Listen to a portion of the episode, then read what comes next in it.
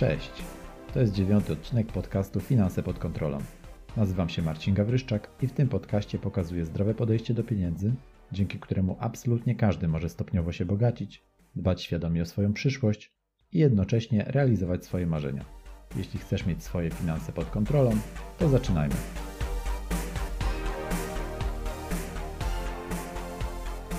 Witaj słuchaczko i słuchaczu w moim kolejnym podcaście.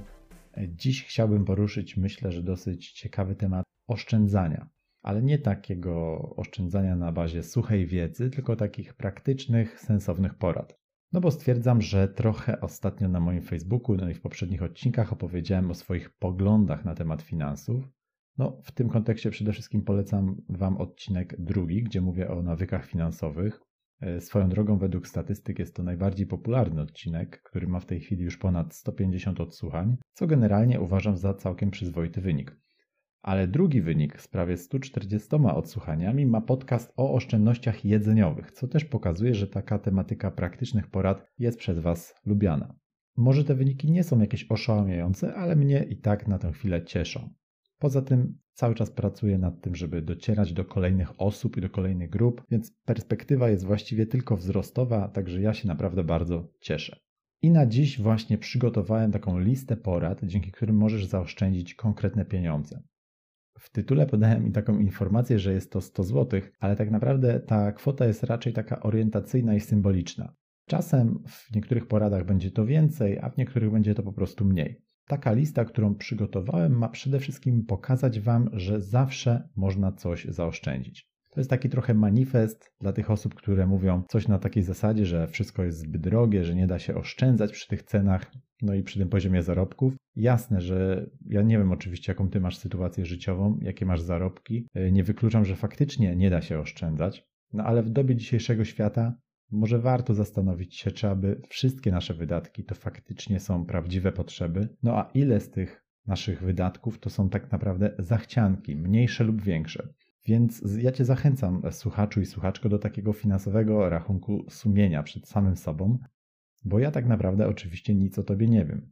Wiem za to, że sam kiedyś z dużo większą swobodą wydawałem kasę i trudno mi było generalnie publicznie przyznać, że ją marnuję czy wydaję na niepotrzebne rzeczy. Także wiem, że to jest ciężkie zadanie przed tak naprawdę każdym z nas. Dlatego też właśnie przygotowałem tę listę 42 sposobów, na których możesz zaoszczędzić taką symboliczną stówkę. Ta stówka to jest też taka kwota, która z jednej strony już coś znaczy, no bo jak mamy gdzieś wydawać stówkę, to już raczej nie robimy tego na ten przysłowiowy taki odwal się, tylko nasz mózg raczej załącza taką lampkę, że wydajemy już jakąś konkretną kwotę. Przykładowo osoba zarabiająca 15 zł na godzinę na rękę no musi poświęcić prawie 7 godzin czasu tak, na zarobienie takiej stówki, więc całkiem sporo. Oczywiście, jeżeli zarabiasz więcej, czyli gdzieś w okolicach średniej krajowej, to godzinowo wychodzi około 22-25 zł na godzinę, czyli taką stówkę zarabiasz w około 4 godziny. Oczywiście, jeżeli zarabiasz więcej, no to oczywiście odpowiednio mniej czasu zajmuje Ci zarobienie takiej stówki. No dobrze, okej, okay, ale zanim zaprezentuję Ci metody zaoszczędzenia tej tytułowej stówki, to jeszcze mam takie trzy zastrzeżenia. Bo po pierwsze, ten cały problem podzieliłem na dwa odcinki, to znaczy w tej dzisiejszej audycji znajdziesz 21 sposobów. E, zrobiłem to, ponieważ nie chcę, żeby podcast trwał e, długo, pewnie trwałby około godziny, tylko zgodnie z takim moim pierwotnym założeniem chcę, aby podcast osiągał taką optymalną długość do słuchania, czyli około 30 minut bo według mnie jest to optymalny czas na różnego typu czynności, które możemy po prostu łączyć ze słuchaniem. Czy to kwestia sprzątania, czy to biegania, czy jakiś spacer. E, a więc w kolejnym odcinku pokażę Ci kolejne 21 metod zaoszczędzenia takiej tej tytułowej stówki. Myślę, że będzie to już w następnym tygodniu i w ten sposób, no niejako chciałbym też publicznie zobowiązać się do częstszego nagrywania podcastu, to znaczy co tydzień a nie co dwa tygodnie, jak to z reguły było dotychczas. Szczerze mam nadzieję, że podołam, no ale czas pokaże. E, jeżeli chodzi o drugie zastrzeżenie, to jest ono takie, że ja generalnie sam stosuję większość tych metod, ale nie wszystkie.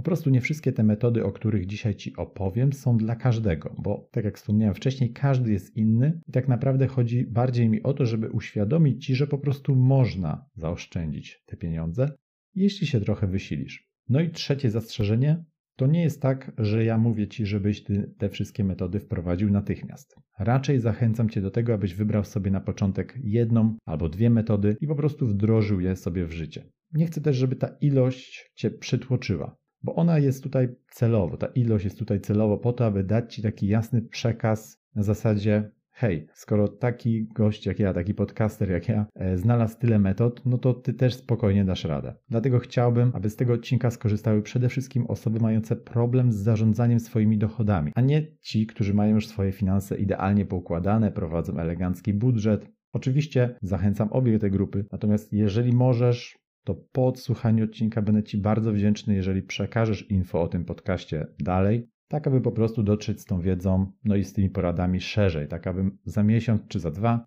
mógł się pochwalić, że to właśnie ten odcinek jest najchętniej słuchany. Będę Ci za to naprawdę niezmiernie wdzięczny. Ale już nie będę przedłużał, tylko dostarczam Ci tego obiecanego mięska jakim są właśnie te 42 porady, jak zaoszczędzić trochę kaski. I podzieliłem te metody na kategorie i pierwszą taką kategorią wydatków, które wziąłem na warsztat, no i jednocześnie mm, myślę, że spokojnie możesz je najłatwiej ograniczyć, to są opłaty związane z bankowością. I porada numer jeden brzmi: nie płać za konto bankowe i kartę płatniczą do konta. Na dzisiejszym rynku bankowym spokojnie znajdziesz taką ofertę, gdzie konto i karta będą po spełnieniu jakichś prostych warunków naprawdę za free. Tymi warunkami może być na przykład wykonanie jakiejś określonej liczby transakcji albo wykonanie płatności za określoną kwotę, a także zapewnienie wpływu na konto. I tutaj od razu uwaga, często może to być nawet przelew z Twojego konta w innym banku, więc naprawdę nie musisz się martwić, że masz dwa konta i tylko jedną wypłatę, bo po prostu możesz przelać sobie z konta X do konta Y, tak, czyli z pierwszego konta na konto drugie i tej opłaty praktycznie zawsze unikniesz. No ale umówmy się, każdy zarobiący człowiek spokojnie te warunki sobie spełni. Jeżeli już mówimy o opłatach za konto czy za kartę płatniczą, to te opłaty potrafią być różne. Tak? Z reguły zaczynają się od 5 zł w górę, a więc w skali roku to już jest kwota od 60 zł w górę. E, czasem miesięcznie one nawet potrafią dochodzić do kilkudziesięciu złotych. Sam widziałem oferty kont, gdzie ta opłata dochodzi do 40 zł, a więc w skali roku to już jest naprawdę kilkaset złotych. Szkoda po prostu za to moim zdaniem płacić. I porada numer dwa brzmi: nie płać za wypłaty z bankomatów. Najczęściej banki pozwalają nam na bezpłatną wypłatę ze swojej sieci bankomatów albo z jakiegoś głównego dużego operatora, np. z Euronetu albo z Planet Cashu. I warto wiedzieć, jak to wygląda u Ciebie i dopasować się po prostu do istniejących warunków gry. Bo jeżeli korzystasz z banku, z którego nie jesteś zadowolony, to po prostu zmień go na inny. Ja osobiście uważam, że w dobie takich dzisiejszych możliwości cyfrowych płacenie za podstawowe usługi bankowe to jest zdecydowanie przesada i rozrzutność, bo spokojnie możemy tego uniknąć. I w ten sposób przechodzimy już do porady numer 3, która brzmi: walcz o już poniesione opłaty bankowe. I to dotyczy nawet tych, które poniosłeś rok, czy nawet dwa lata temu, zwłaszcza jeżeli nie do końca je rozumiesz albo nie wiesz po prostu skąd się one wzięły. Warto zadzwonić albo napisać do banku, jeżeli jest taka możliwość, czy nie ma opcji anulowania tych opłat. I tutaj możesz się powołać na po pierwsze długi staż w banku, na zmienioną ofertę, o której po prostu nie wiedziałeś, no czy po prostu na trudną sytuację materialną, jeżeli w takiej się znajdujesz bo w bankach naprawdę też pracują ludzie i widząc Twoją sytuację, na pewno część z nich postarać się pomóc. Zwłaszcza w sytuacji, że konkurencja na rynku bankowym jest spora i też nikt nie chce stracić potencjalnego klienta na lata. I porada numer 4 brzmi: nie trzymaj dużych środków na koncie osobistym. Ja zdradzę Ci, e, drogi słuchaczu i słuchaczko, że na moim głównym koncie, z którego dokonuję większość transakcji, prawie nigdy nie ma więcej niż 1000 zł. Czasami to konto wręcz świeci pustkami, ponieważ główne oszczędności i środki na konkretne cele trzymam w innych miejscach. Dam Wam taki prosty przykład. Wiem, że obecnie jest inflacja na poziomie oficjalnym już prawie 7%, ale to nie jest powód, aby trzymać kasę na koncie, skoro można skorzystać z oferty lokat czy kont oszczędnościowych. Ja wiem, że ta oferta jest w tym momencie uboga, ale mimo wszystko jakaś jest. No przykładowo przeglądając porównywarkę lokat i kont oszczędnościowych, zobaczyłem, że Getin ma ofertę na 2% w skali roku dla kwoty do 10 tysięcy. Nie jest to oczywiście oszałamiająca kwota, no bo 2% od 10 tysięcy to jest raptem 200 zł w skali roku. Po potrąceniu jeszcze podatku belki to będzie zaledwie 162 zł. Jasne, można powiedzieć, że niewiele, ale Na inflacji stracisz i tak parę stówek, więc czy nie lepiej będzie stracić z tych stówek 5 zamiast 7? Poza tym też warto pamiętać o tym, że wraz z podniesieniem stóp procentowych oferty lokat czy kont oszczędnościowych powinny się generalnie delikatnie poprawiać. Także widzę tutaj też możliwość zaoszczędzenia po prostu jakiejś konkretnej kwoty. I przechodzimy już płynnie do porady numer 5, która brzmi: nadpłacaj kredyty. Wszystkie zaoszczędzone odsetki na kredytach, to też są prawdziwe, realne pieniądze, których po prostu nie będziesz musiał płacić w przyszłości. Poza tym, nadpłacając kredyt, obniżamy ratę kredytów albo zmniejszamy czas ich trwania, co generuje jeszcze większe oszczędności. No, oczywiście nie mówiąc już o komforcie psychicznym. Ja w siódmym odcinku opowiadałem, czy warto nadpłacać kredyt hipoteczny i rozkładałem ten problem na czynniki, więc jeżeli interesujesz się tym tematem, masz jakieś kredyty, to odsyłam Cię jak najbardziej do tego odcinka. Porada szósta, jeżeli chodzi o kwestię bankowości, brzmi Korzystaj ze wszelkich promocji za założenie kont, kont oszczędnościowych, jakichś lokat i wszelkich premii typu moneyback. Ja swojego czasu zarabiałem na tym naprawdę całkiem sporo. Pamiętam, że największą premią była kwota 400 zł za tego typu operacje, jednorazowo. Dziś oczywiście te kwoty są mniejsze, ale mimo wszystko też można trochę z tego wyciągnąć. No poza tym jeszcze niektóre banki oferują tą ofertę, o której wspominałem, czyli money back za dokonywane transakcje, czyli na przykład zwrot 1 czy 2% od zapłaconej kwoty. Warto tego poszukać, zwłaszcza jeżeli masz na to wszystko czas i chęci. I to jest takich sześć porad, które wyszczególniłem, jeżeli chodzi o oszczędności, które możemy wyciągnąć na wszelkich usługach bankowych. I teraz chciałbym przejść do oszczędności związanych z jedzeniem, bo wielu z nas sądzi, że właśnie tutaj można sporo zaoszczędzić.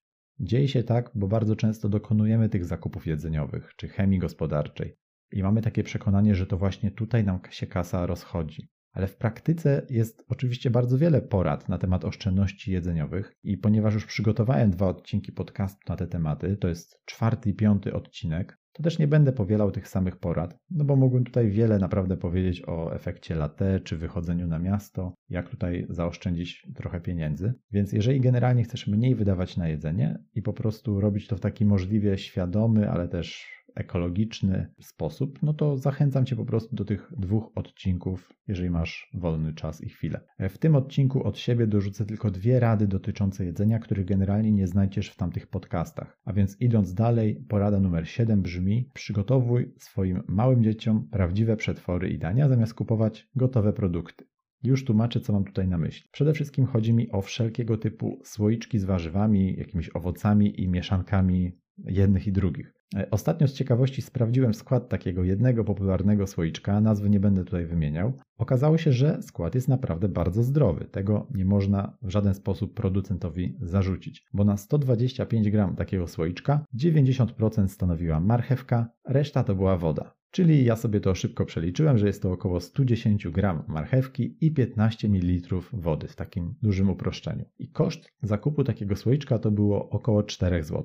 Więc jeżeli korzystacie sporadycznie z tego typu e, słoiczków, no to oczywiście moim zdaniem nie ma problemu. Ale w skali jednego dziecka i jednego miesiąca takiego regularnego korzystania z tego typu produktu, no to jest około 120 zł za samą marchewkę tak naprawdę. Żeby nie było, ja naprawdę się cieszę, że ten produkt jest do dobrej jakości e, i nie dziwię się że też, że tyle kosztuje, no bo przecież trzeba to wyprodukować, wypromować, rozwieść. Ten sam słoik też trzeba przecież wyprodukować. Ale też wiem, że właśnie w tym miejscu jest spory potencjał do oszczędności. Zwłaszcza jeżeli masz kilkoro dzieci i każdemu chciałbyś taki słoiczek codziennie sprawiać. I druga porada, jeżeli chodzi o jedzenie, a w takim naszym łącznym rozrachunku jest to porada ósma, ona brzmi: staraj się robić samodzielne przetwory w kuchni. Szczerze się tutaj przyznaję, że ten punkt to nie jest moja domena, ale na przykład moi rodzice zdecydowanie lubią to robić, no i czasem po prostu z tego korzystam. A chodzi m.in. na przykład o ograniczenie kupowania wędlin.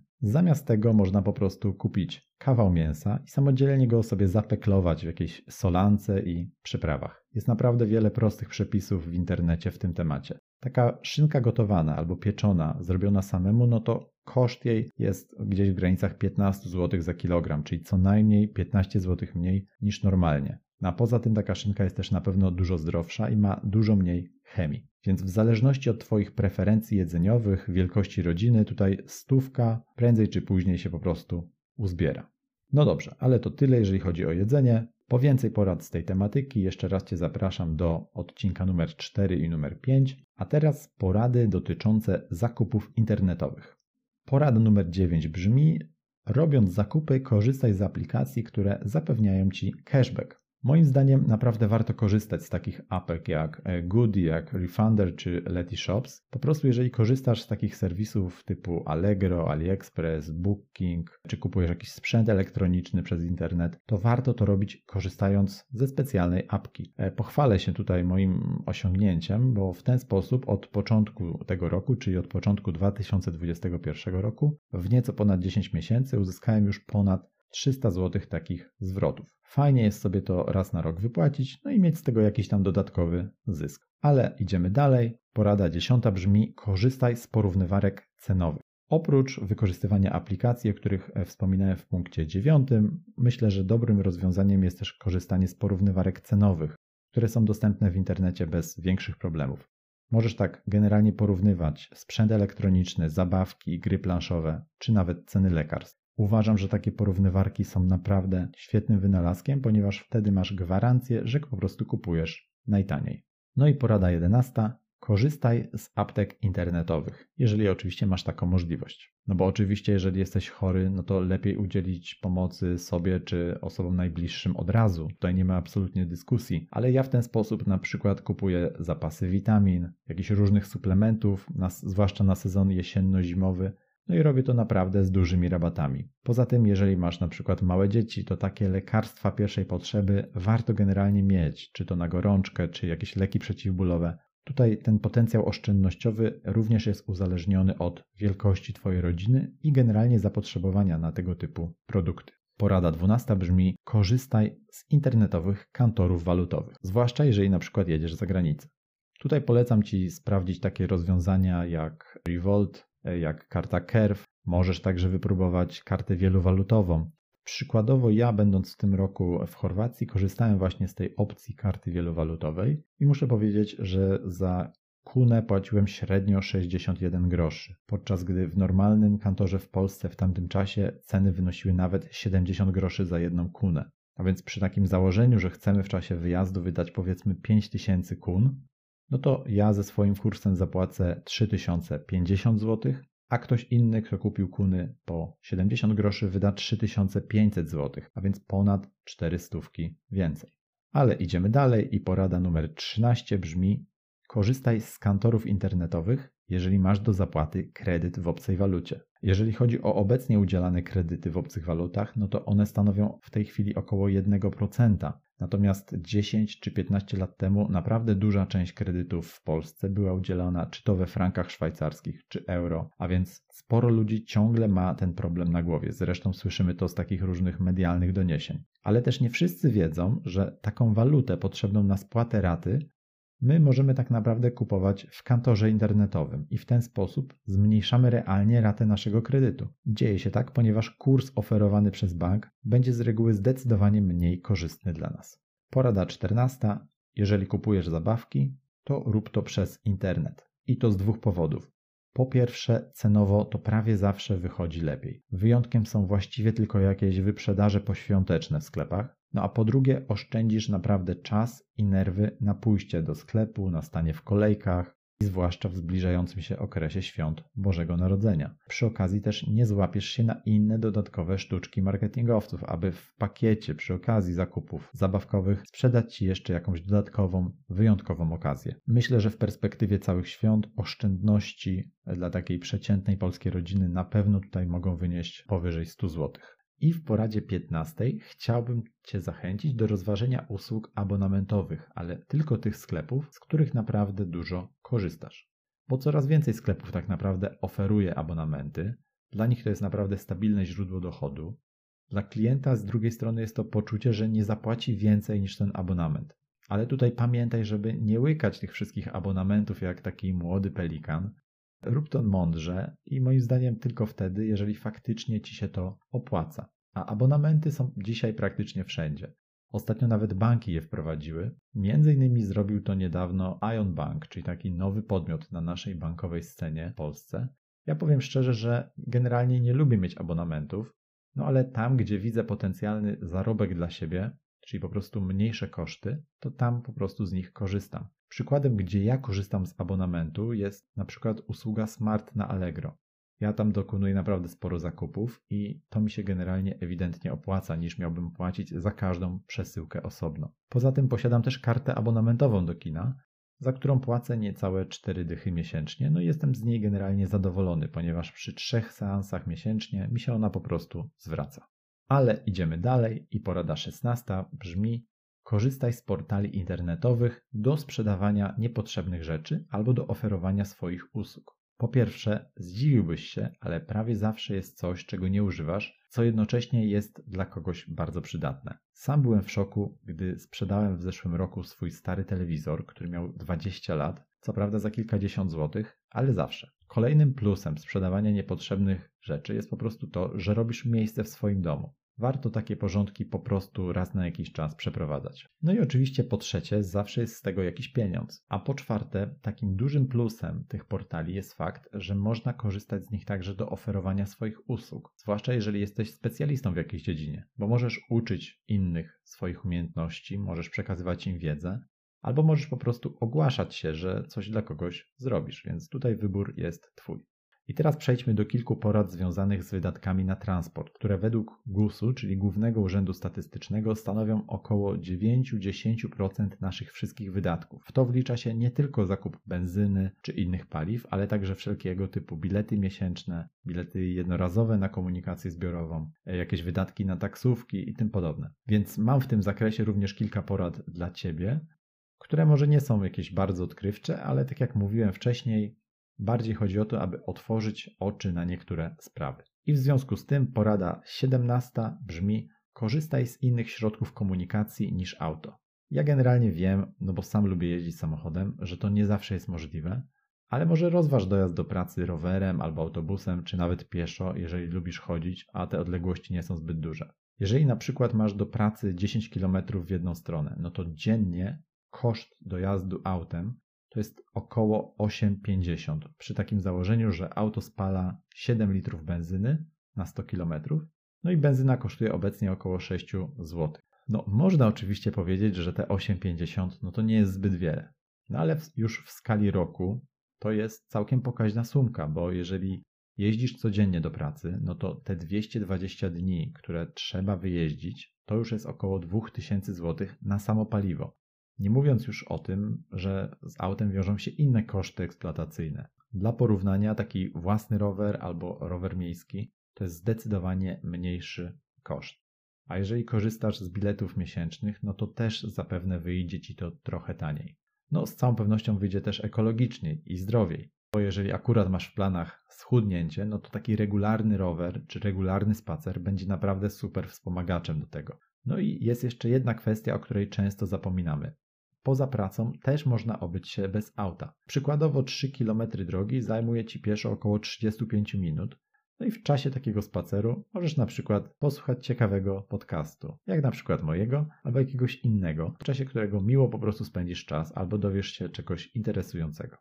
Ale już idąc dalej, w poradzie 18 chciałbym Ci powiedzieć, że jeżeli już jeździsz autem, to rób to przynajmniej ekonomicznie. Generalnie przyjmuje się, że taka spokojna jazda to są oszczędności na rachunkach za paliwo rzędu przynajmniej 20, a czasem nawet i 30 lub więcej procent w porównaniu do takiej agresywnej i szybkiej jazdy. W warunkach miejskich taką szybką jazdą naprawdę nie zaoszczędzisz zbyt wiele czasu, a na pewno wydasz więcej na stacji.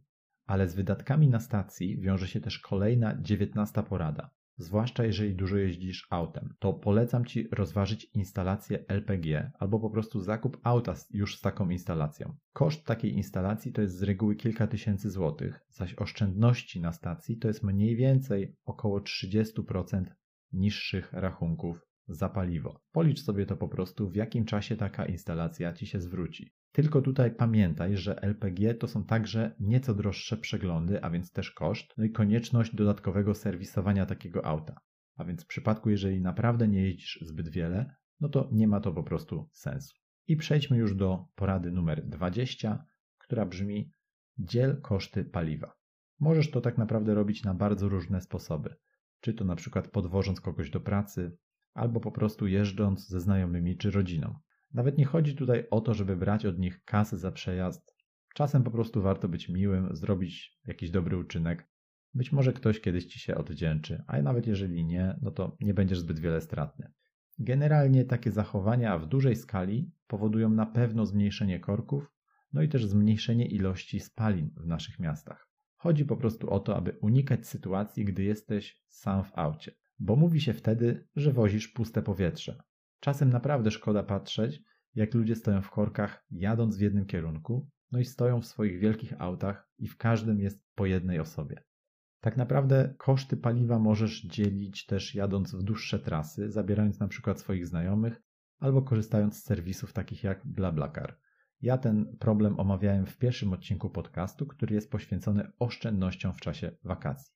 I porada 21, już ostatnia na dzisiaj, brzmi: staraj się jeździć autem zgodnie z przepisami. Ja wiem, że nasze przepisy potrafią być absurdalne, ale jeśli nie będziesz ich zbyt często łamał, to prawdopodobnie też nie będziesz łatał wszelkich dziur budżetowych poszczególnych samorządów, płacąc po prostu mandaty.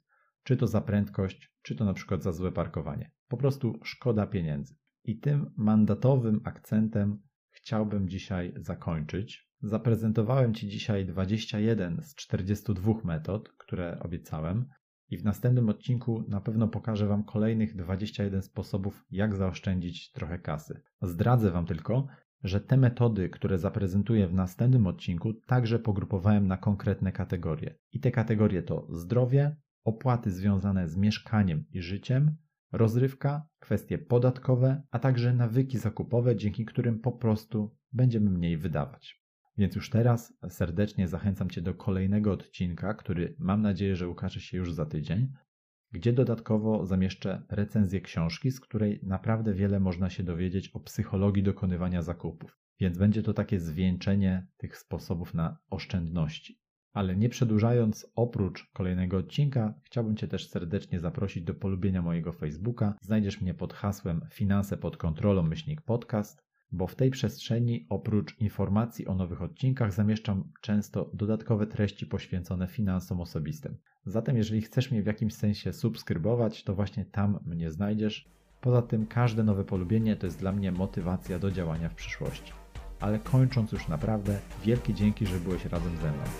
Pamiętaj o trzymaniu finansów pod kontrolą. Trzymaj się, cześć.